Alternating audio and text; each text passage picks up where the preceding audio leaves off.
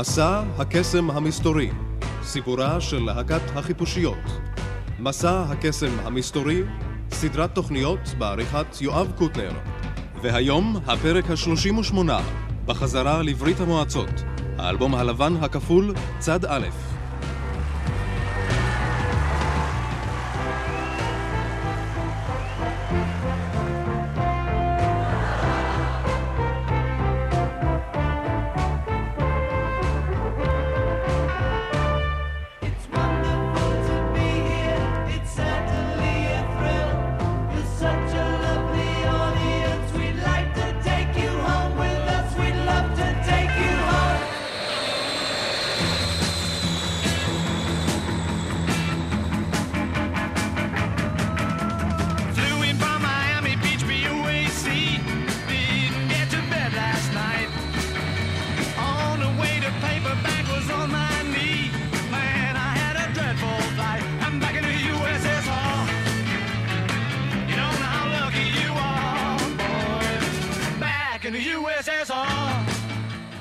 שלום לכם.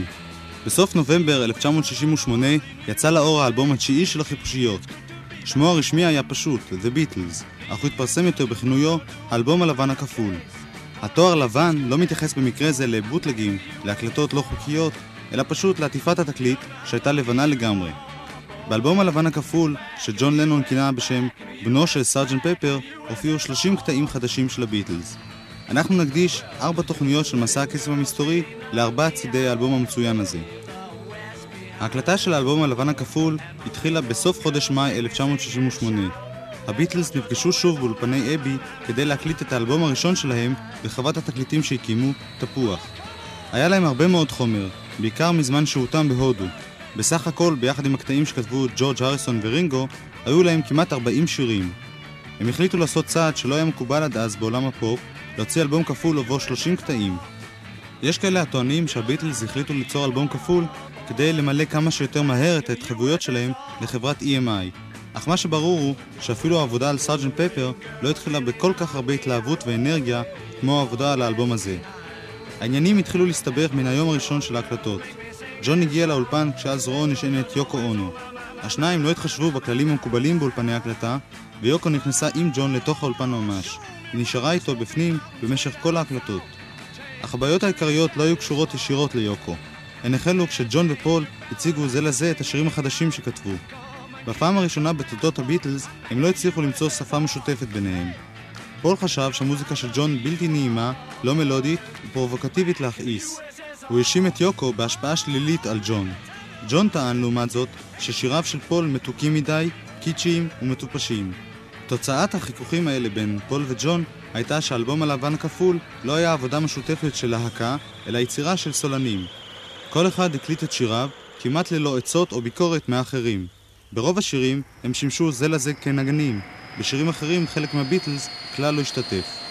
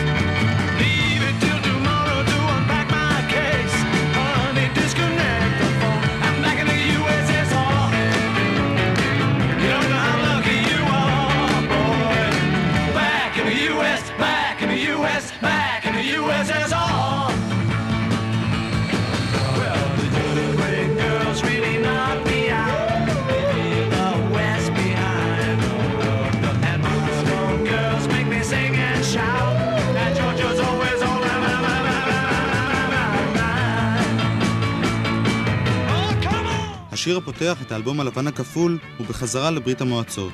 גרסת השיר שאנחנו שומעים עכשיו ברקע שונה. זוהי גרסת מונו של השיר, שהבישול המוזיקלי שלה אינו זהה לבישול הסטריאופוני המוכר. ג'ורג' מרטין בישל את כל האלבום באולפן פעמיים, בגרסת סטריאו ובגרסת מונו. ג'ורג' מרטין ניסה ככל יכולתו לעזור לביטלס באלבום הזה כיועץ וכעורך. הוא אסף את השירים שהקליטו ג'ון, פול, ג'ורג' ורינגו והפך אותם לאלבום אחד שהוא מחבר קטעי מעבר בין השירים. למרטין לא נראה הרעיון של 30 שירים באלבום כפול. הוא הציע לביטלס לוותר על חלק מהקטעים, כמו מהפכה מספר 9 למשל, ולהוציא אלבום בודד שבו 14 שירים טובים ביותר.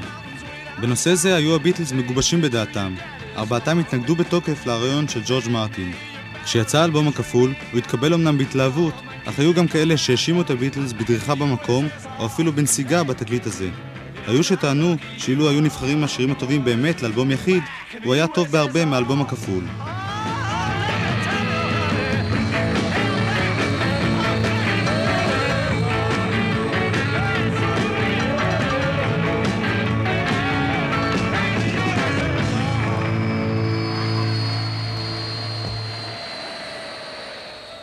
בחזרה לברית המועצות. יוסי מרחיים, המוזיקאי המלווה אותנו בכל מסע הקסם המסתורי, אומר על התקליט הזה. תקליט קצת יותר מעורר מחלוקת מתקליטים אחרים, לפי דעתי לגמרי לא בצדק. אני לא מקבל את זה שאין בו התקדמות, אני לא מקבל את זה שיש בו הרבה חומרים מיותרים. הטענה היחידה שאני מוכן לקבל זה שכתקליט שמכיל בערך 30 קטעים, אין לו את אותו הקומפקטיות ואותו הגיבוש של סאז'נט פפר. למעשה כמעט לא מכיר אף תקליט בפופ שיש לו את הגיבוש של Sergeant Pepper. אבל לפי דעתי הוא יותר מעניין מ Magical Mystery Tour. יש בו קטעים שהם גם יותר מעניינים מ Sergeant Pepper. ברור שאין לו את הגיבוש הזה ואין לו את. העניין שדבר מוליך לדבר. יש בו הרבה יותר כישרונות אינדיבידואליים, וזה כל כך קל להבין. האנשים כבר, כל אחד בכיוון שלו, בריין אפשטיין מת, ולמעשה פול מקארטני הוא המנהיג של הביטלס. כמה מאנשי הביטלס לא אוהבים את זה, ואז הם נדחפים לעשות דברים ממש שלהם. אני לא חושב בכלל שזה רע, למעשה. אם הביטלס היו חייבים לעבוד כקבוצה בשלב הזה, הם היו חייבים להתפרק מיד. דווקא תקליט כל כך רב צדדי, כמו התקליט הלבן, אפשר לכל אחד לעשות מה שהוא רוצה, עם עזרה של אנשי המקצוע המעולים ביותר, והתוצאה לפי דעתי היא מאוד מאוד מעניינת. יש פה כל כך הרבה הקשרים, כל כך הרבה סגנונות. גם יש כאן כל מיני פתרונות של דברים שעניינו אותנו בתקליטים הקודמים, פענוחים, התבשלות, הצצה לעולם של מוזיקה אלקטרונית, עם כמה נקודות גם חברתיות וגם מילוליות, פה אי אפשר להתייחס רק למוזיקה. אבל האם התקליט נשמע מגובש רק בגלל קטעי המעבר שאותם חיבר ג'ורג' מרטין, או שלמרות הכל אפשר לראות בתקליט עדיין יצירה של להקה אחת? יש מספר קטעי מעבר בתקליט של ג'ורג' מרטין, שחלקם מוצלח מאוד, חלקם נראה לי מלאכותי, אני לא, לא כל כך אוהב את הקטעי מעבר האלה, משום שזה ניכר שזה לא, לא בראש אחד הם נעשו. אני לא אהבתי את ההומור, משזה הומור לחוץ, בזמן שההומור בתוך השירים הוא הומור ממש פורח. אני חושב שהתקליט לא זקוק לקטעי מעבר. בכלל, ממתי מדברים על תקליט מגובש? בזמן שכל אחד מאלפי הלהקות שעשו ועושות תקליטים, נותנים שירים שאין ביניהם שום קשר, פתאום מהביטלס אנחנו מחכים לסימפוניות כל הזמן. התקליט הזה עובד לי יופי, בלי קטעי מעבר. אחד התענוגות זה לשמוע אותו, את ארבעת הצדדים, בלי להשתעמם, משום שכל פעם אנחנו מקבלים איזשהו, איזשהו עוקץ מכיוון אחר. תקליט קצת אנטי-בורגני, אנחנו ב-1968, השיא של מרד הסטודנטים, של כל מה שכרוך בכך. אמנם במילים של השיר רבולושן של ג'ון לנון אנחנו מוצאים הסתייגות ממהפכה שהיא הרס לשמו, לזה הוא לא מוכן, אבל כללית הם יותר פתוחים לכל מיני דברים. האם השיר הפותח הוא דוגמה להתייחסות פוליטית? בין השאר מהללים פה כל מיני דברים, וזה לא רק בתור בדיחה, יחס מסוים לכל מיני תופעות של ברית המועצות. קודם כל יש כאן הומור מאוד מצחיק, הוא אומר זה Georgians on my mind. יש השיר הידוע שגם ריי צ'ארלס פרסם אותו, Georgia is on my mind. כאן יש נערות ג'ורג'יה, ג'ורג'יה של רוסיה, לא של ארה"ב. אתם לא יודעים איזה מזל יש לכם לחזור לברית המועצות. ולעזוב את המערב, והבחורות באוקראינה, והבחורות פה והבחורות שם. וקצת מצחיק, מצד שני יש פה איזושהי גישה קצת יותר ליברלית, משום שהנושא הזה של ברית המועצות בכלל לא מופיע בשום שירי פופ, אני עכשיו לרעל. ברית המועצות, אם היא מופיעה, אז היא מופיעה כמו בנטלית, ששילבר בקור בתור איזה מין מקום אקזוטי. כאן יש איזה שיר כבד ממש, בריא מאוד, חזק מאוד, שיר מאוד מאוד מאוד חכם. קודם כל, יש בו את ההתייחסות, את ההומאז' לצ'אק ברי, וגם לביץ' בויז, שהיו אז מאוד מאוד פופולריים. פול מקארטני אחראי לקולות הגבוהים שהופיעו שם ברקע, שזה בשום פנים לא בסגנון הביטלס. אצל הביטלס אף פעם לא, נש... לא נשמע קולות בסגנון, בסגנון כל כך פשוט. זה סגנון, זה סגנון של הביץ' בויז.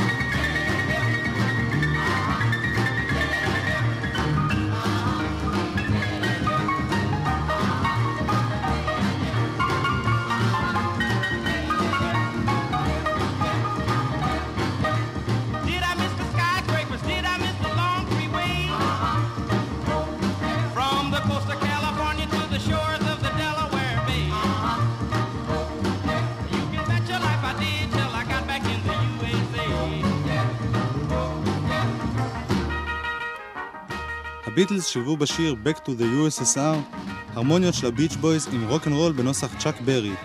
הם רמזו בשיר שלהם לשיר שלו Back in the USA, שאותו אנחנו שומעים עכשיו ברקע.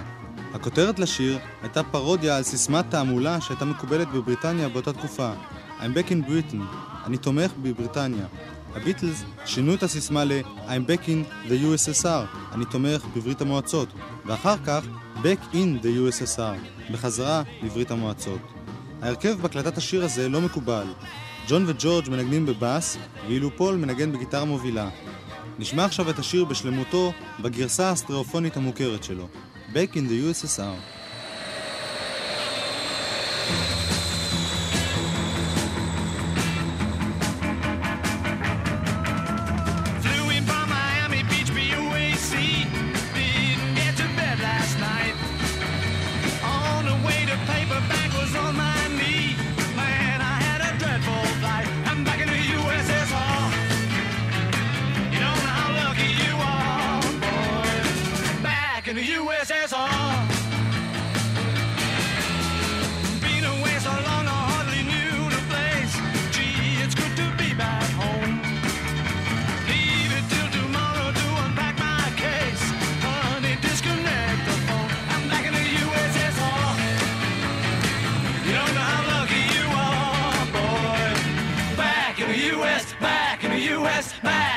USSR. Well, the newlywed girl's really nice.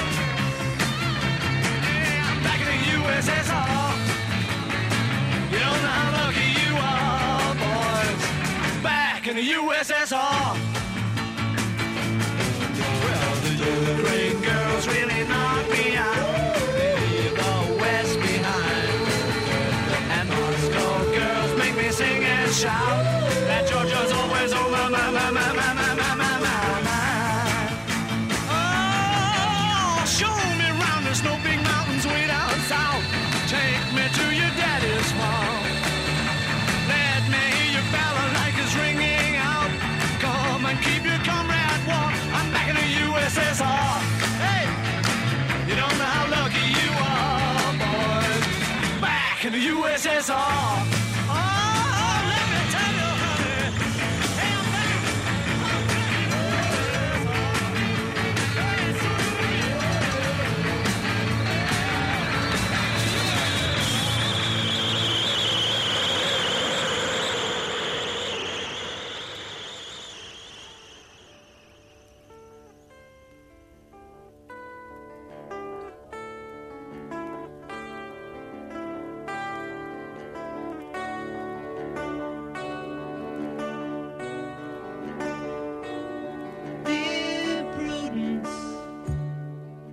יש צירוף של הקודים שאופייני לתקליט הלבן, כמו שיש קצב שאופייני לתקליט הלבן.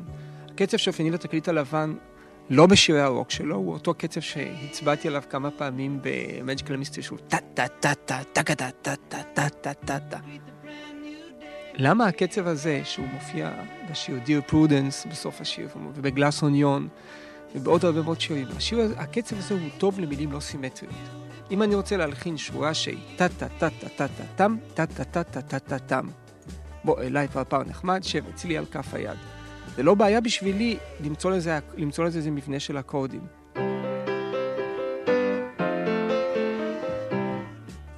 אבל אם יש לי שורה שהיא קצת יותר ארוכה משורה אחרת, אני יכול לעשות בשורה מספר 1 ובשורה שנייה. ואף אחד לא ירגיש, וכל מי שמסתכל על המילים של הביטלס, רואה שהשורות, שורה אחת מאוד מאוד ארוכה ושורה אחת מאוד מאוד קצרה. וזה עושים על ידי הקצב של הטה-טה-טה-טה-טה-טה-טה. הקצב הוא בעצם אחד, אחד, אחד, אחד. ואני מתאים אותו איפה שנוח לי. השיר הבא באלבום, אותו אנחנו כבר שומעים ברקע, הוא פרודנס היקרה, Dear Prudence. ג'ון כתב את השיר בהודו לכבודה של פרודנס, אחותה של השחקנית מיה פארו. פרודנס נהגה לבלות את רוב הזמן במדיטציה בחדרה, וג'ון מזמין אותה בשיר לצאת החוצה, לשחק ולראות את העולם. Dear Prudence, עדין מאוד, שקט מאוד.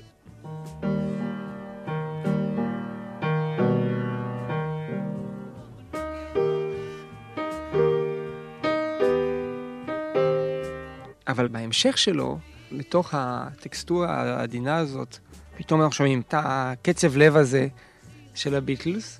בקטע הזה, שהוא אומר, the sun is up, the sky is blue, it's beautiful, so are you, מתחילה הרמוניה שהיא מתאימה לזה. כוח של השיר הזה, שגם בקטע איטי, כשהוא רוצה להדגיש איזה נקודה, מתחיל פעם בדם, טה בדם.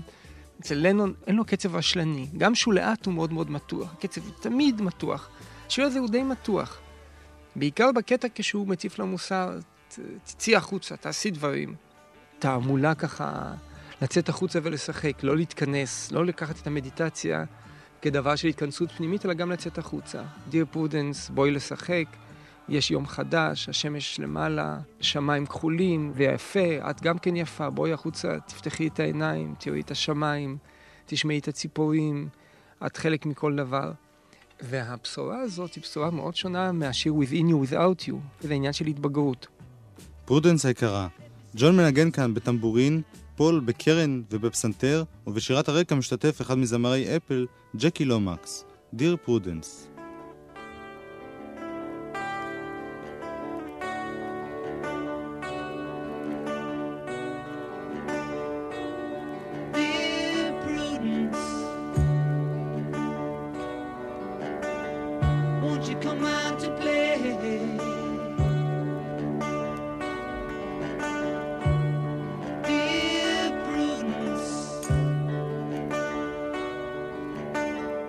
Greet the brand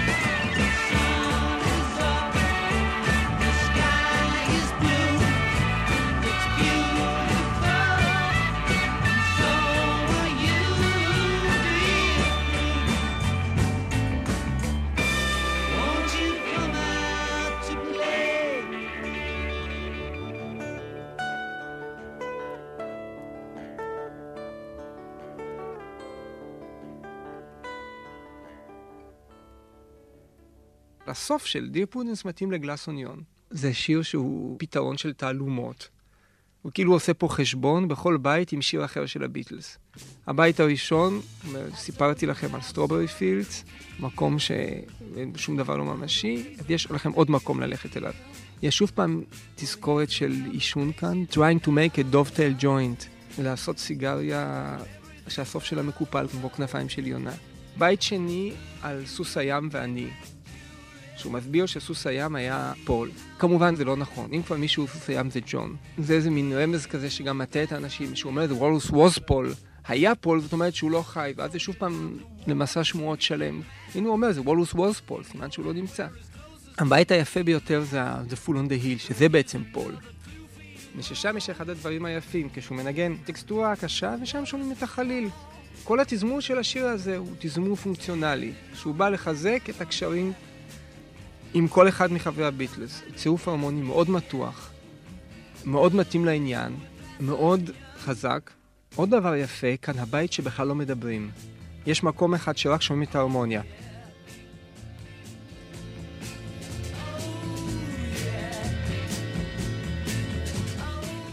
זה אחד המקומות הכי יפים בכלל אצל הביטלס, משום שלפעמים אתה מרגיש שאתה אמרת משהו ועכשיו אתה נותן למוזיקה לדבר. לא תמיד יש הצדקה לסולו אינסטרומנטלי. עכשיו, פה אין סולו, אלא יש את כל המבנה ההרמוני בלי סולו. כיוון שהביטלס ביסודם הם לא להקה אינסטרומנטלית, לא מופיעים אצלם סתם סולואים, אלא במקום שהם הכרחיים. וכאן אחד הדברים, המקומות הכי יפים, זה כשמסתכלים על, ה... על המילים ורואים שבעצם בית אחד חסר. אחרי שמסתכלים The Walrus was Paul, פתאום יש רק מוזיקה, ואז יש רק פזמון. המוזיקה נותנת כאן את הסיפור, ואני הייתי אומר, אם כבר רקוויאם לביטלס הזה מתחיל פה, יש בתקליט הזה הרבה ברוקיות, זאת אומרת, הרכבים ענקיים פתאום, המון המון כלים, המון המון קטעים בכלל. זה כבר כאילו חיה מאוד מאוד שמנה, וכשיוצר מתחיל להתייחס לדברים הקודמים שלו ולצטט אותם, בדרך כלל זה התחלה של איזשהו סוף. וכאן, כש... כאן אני מרגיש פה ממש תחושה של סוף. Glass Onion, בצל זכוכית. השיר הזה נכתב על ידי ג'ון כסאטיר על המעריצים המגזימים של הביטלס המחפשים רמזים בשירים. ג'ון מזכיר בשיר את Lady Madonna, Fixing a Hole, שדות תות לנצח, השוטה על הגבעה ו-I'm the Walrus. Glass Onion.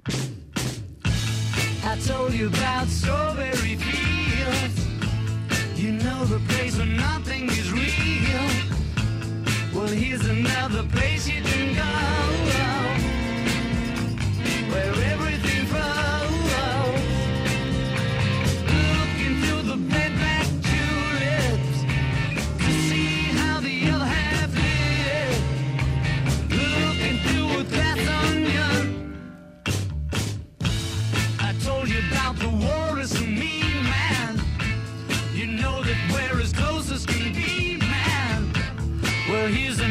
Clue for you all.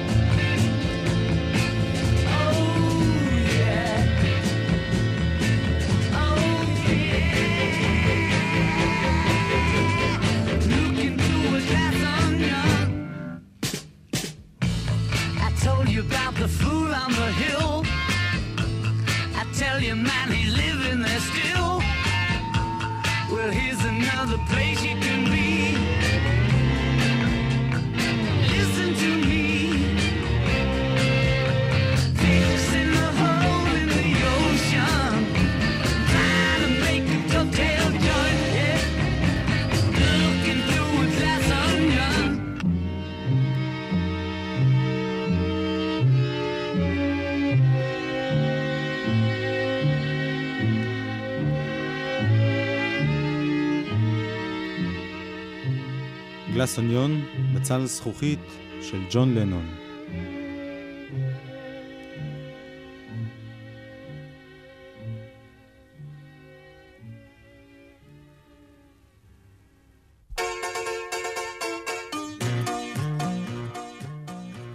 השיר הבא היה אחת מסיבות הריב בין ג'ון ופול. פול רצה שהשיר יהיה התקליטון הבא של הביטלס. ג'ון התנגד. אובלדי אובלדה. אובלדי אובלדה זה איך שהביטלס רואים צמד אנשים מג'מייקה יושבים וכותבים קליפסו. זה לא שהביטלס החליטו, לא הולך לנו, הבה נעשה שיר כמו אובלדי אובלדה וזה מיד ייכנס למצעד.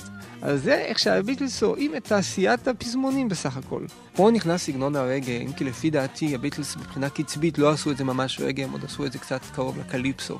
זה שיר מדבק, להיט ממש, ו... ורק הוכחה שהביטלס יכולים להוציא מהשרוול בלי מאמץ. פול יכול להוציא לעיתים בכלל, בכלל בלי להתאמץ. את שם השיר לקח פול מלהקת רגאיי בשם אובלדי אובלדה. דזמונד, גיבור השיר, הוא אולי רמז לדזמונד דקר, איש הרגאיי המפורסם ביותר באותה תקופה. ואגב, יום אחד לאחר הוצאת האלבום הלבן הכפול, הוציאה להקת המרמלדה גרסה משלה לאובלדי אובלדה, גרסה שהפכה ללהיט ענק. אנחנו שומעים את הביצוע המקורי של הביטלס, אובלדי אובלדה.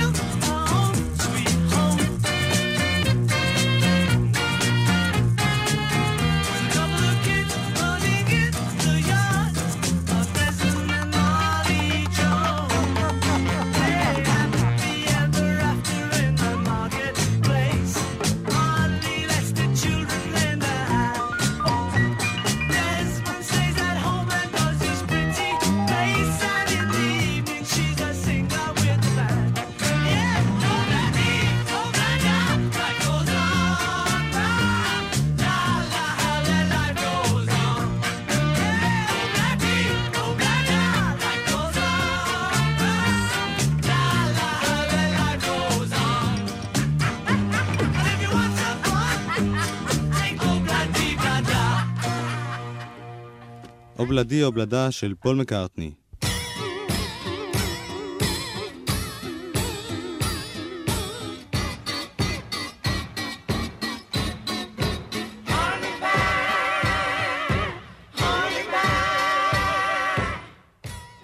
באחד הראיונות האחרונים שנערכו איתו, התייחס פול מקארטני לתקופת האלבום הלבן הכפול.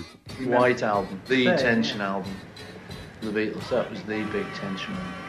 The White album was we were all in the middle of the sort of psychedelic thing or just coming out of it or whatever, but it was weird, you know, I mean I mean never before have we recorded with like beds in the studio and kind of people visiting for hours on end and business meetings and all of this. There was a lot of friction during that. האלבום הלבן היה האלבום המתוח ביותר שעשינו. בתקופת ההקלטה שלו היינו באמצע התקופה הפסיכודלית שלנו, או בדיוק יצאנו ממנה, וזה היה מוזר. לפני זה לא היו לנו מיטות באולפן ודברים כאלה. ואנשים שמבקרים במשך שעות, ופגישות עסקיות. היה הרבה מתח בתקופה ההיא. את השיר הבא הקליט פול לגמרי לבדו, כשהוא מנגן בכל הכלים ושר. זהו שיר קצרצר שהביטלס נהגו לשיר בהודו, ולא חשבו בכלל להכניס לתקליט הלבן הכפול. פטי הריסון, אשתו של ג'ורג', אהבה את השיר הזה מאוד, והיא ביקשה מפול להקליט אותו. ויילד הני פאי, דובשנית פראית.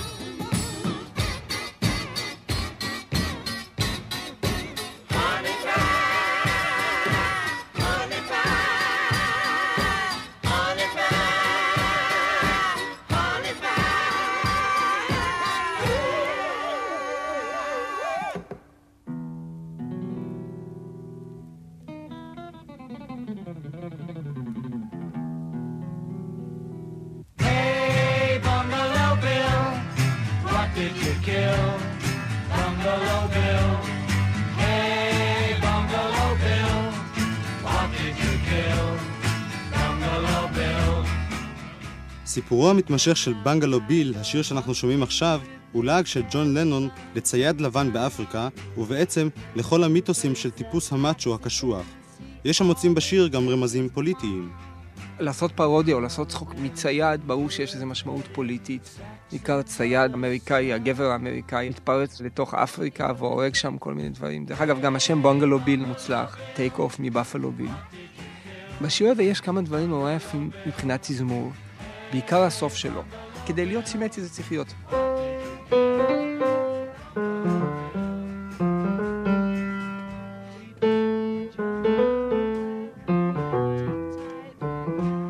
זה ברור. אבל אף אחד לא מרגיש שלמעשה הוא גונב כאן חצי תיבה, וזה יושב כל כך טוב, זה כל כך מוזיקלי החיבור.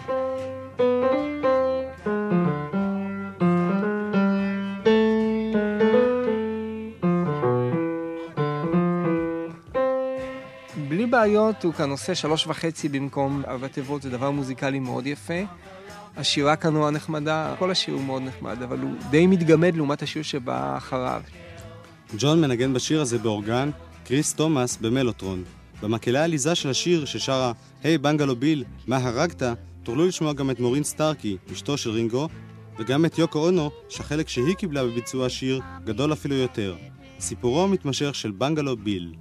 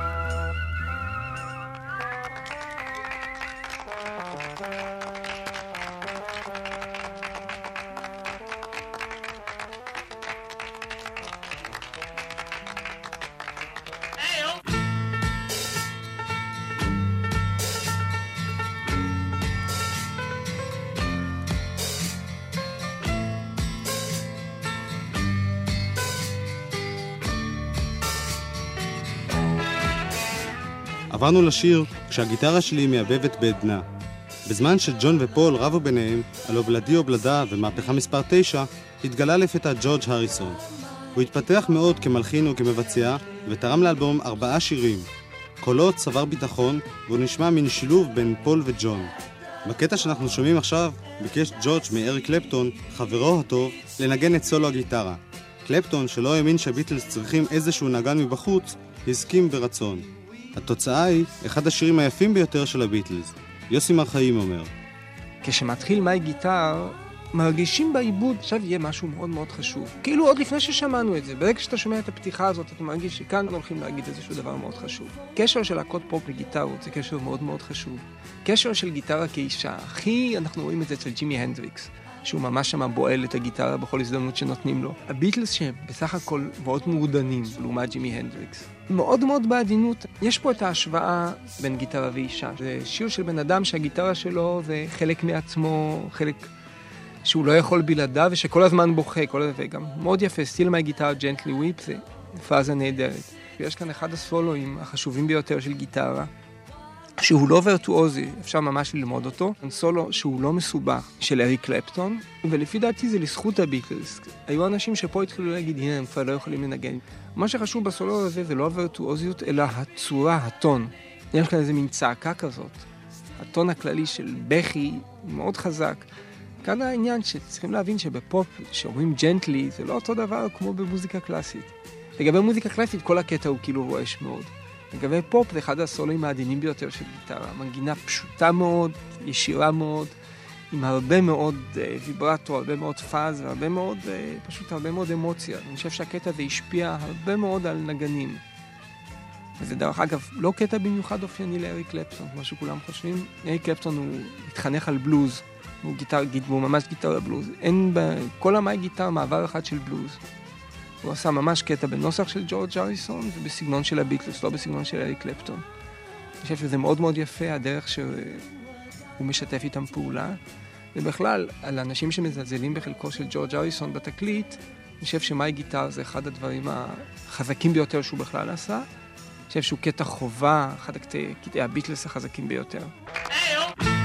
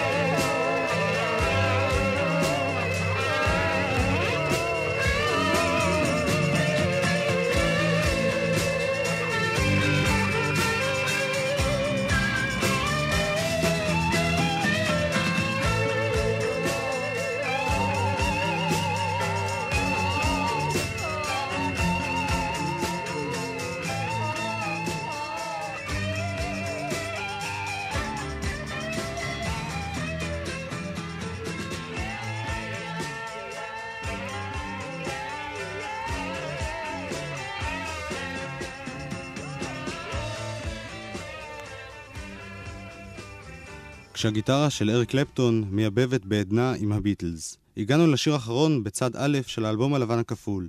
אושר הוא נשק חם. Happiness is a warm gun. ג'ון כתב את השיר בהשפעת פרסומת לנשק במגזין אמריקני. She's not a girl who misses much.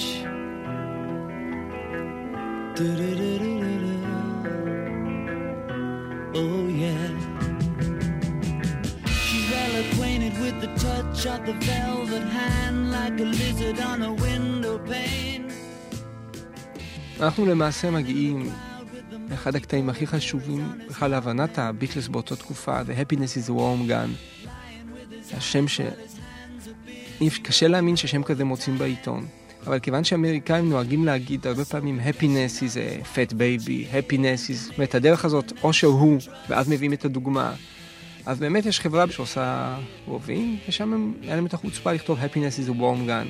השיר הזה קשור באחד הירידות, שקיעות סמים הנוראות ביותר שאפשר לחשוב. בקטע הזה, I need a fix because I'm going down, אני צריך זריקה משום שאני שוקע. אחד הקטעים הכי הכי קשים לשמוע, שומעים ממש את ה down, זה down איום ונורא. אני לא חושב שג'ימי הנדריקס ברגעים הכי קשים שלו, או ג'ים מוריסון, הייתה לו ירידה כזאת נוראה. I'm going down, ממש שומעים. דבר נורא, ירידה איומה.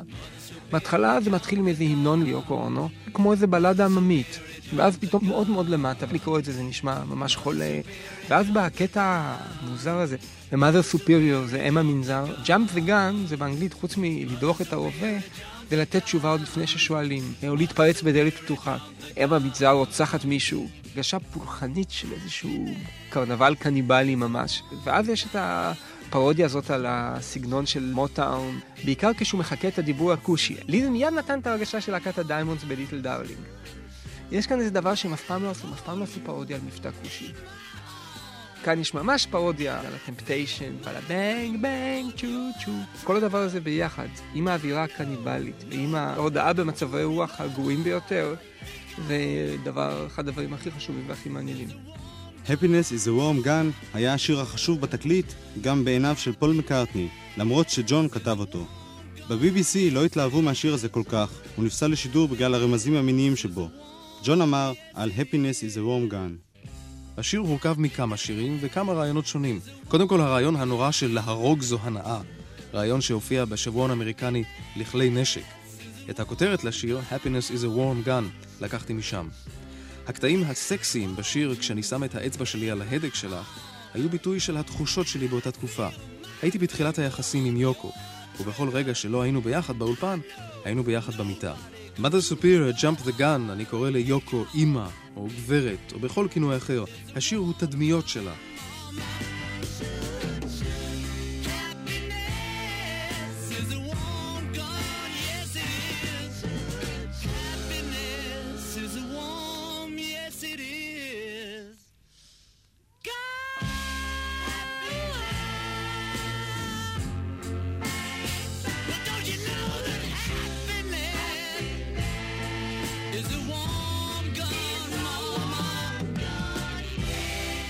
ובשיר הזה, Happiness is a warm gun, נסיים.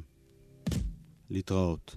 She's not a girl who misses much. Du-du-du-du-du-du. Oh, yeah. She's well acquainted with the touch of the velvet hand like a lizard on a window pane.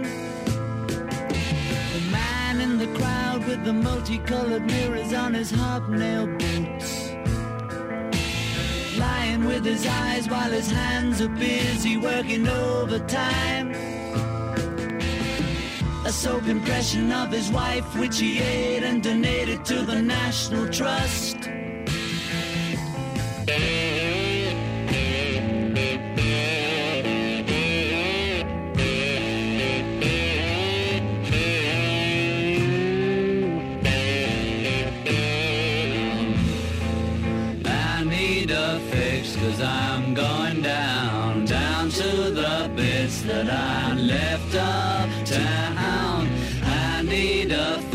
Cause I'm going down. Mother Superior jumped the gun. Mother Superior jumped the gun. Mother Superior jumped the gun. Mother Superior jumped the gun. Mother Superior jumped the gun. Mother Superior jumped the gun.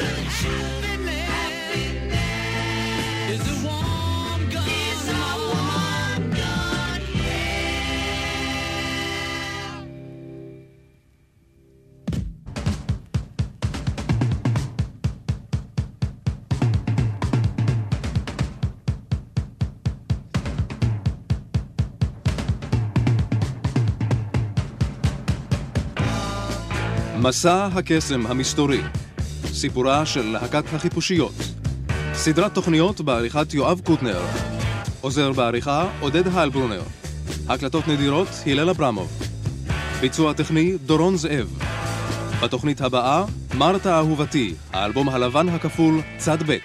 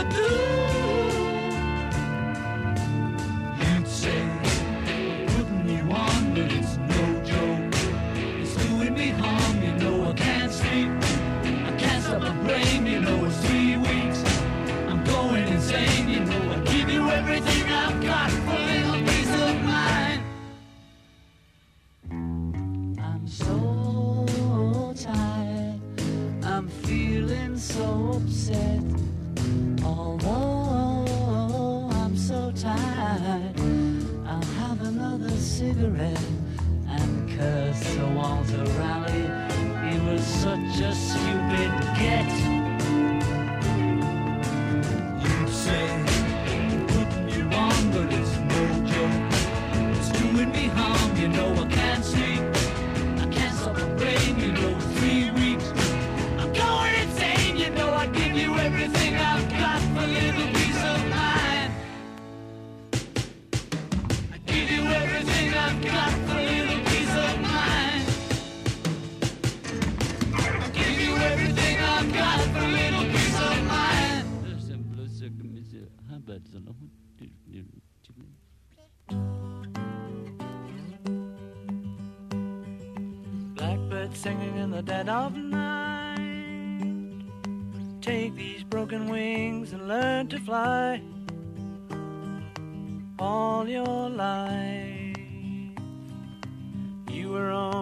waiting for this moment to arise.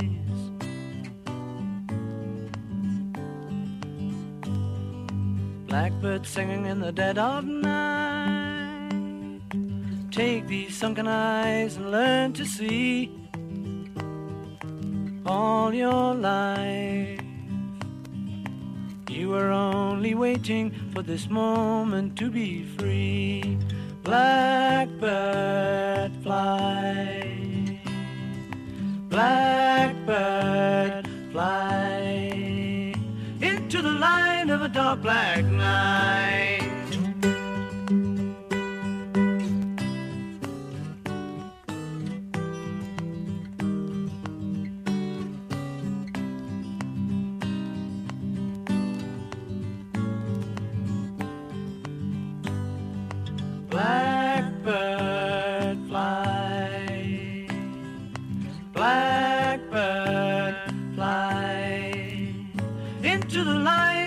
black night.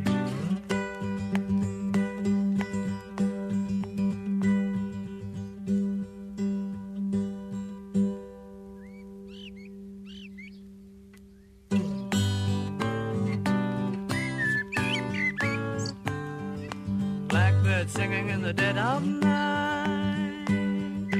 Take these broken wings and learn to fly all your life. Waiting for this moment to arise. You were only waiting for this moment to arise. You were only waiting for this moment to arise.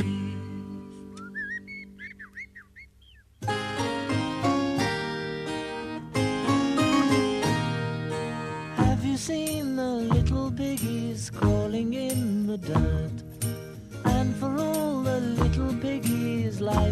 getting worse.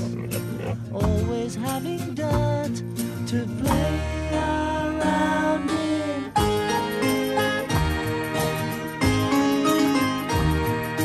Have you seen the bigger piggies in the starched white shirts? You will find the bigger piggies stirring up the dirt. Always have clean shirts to play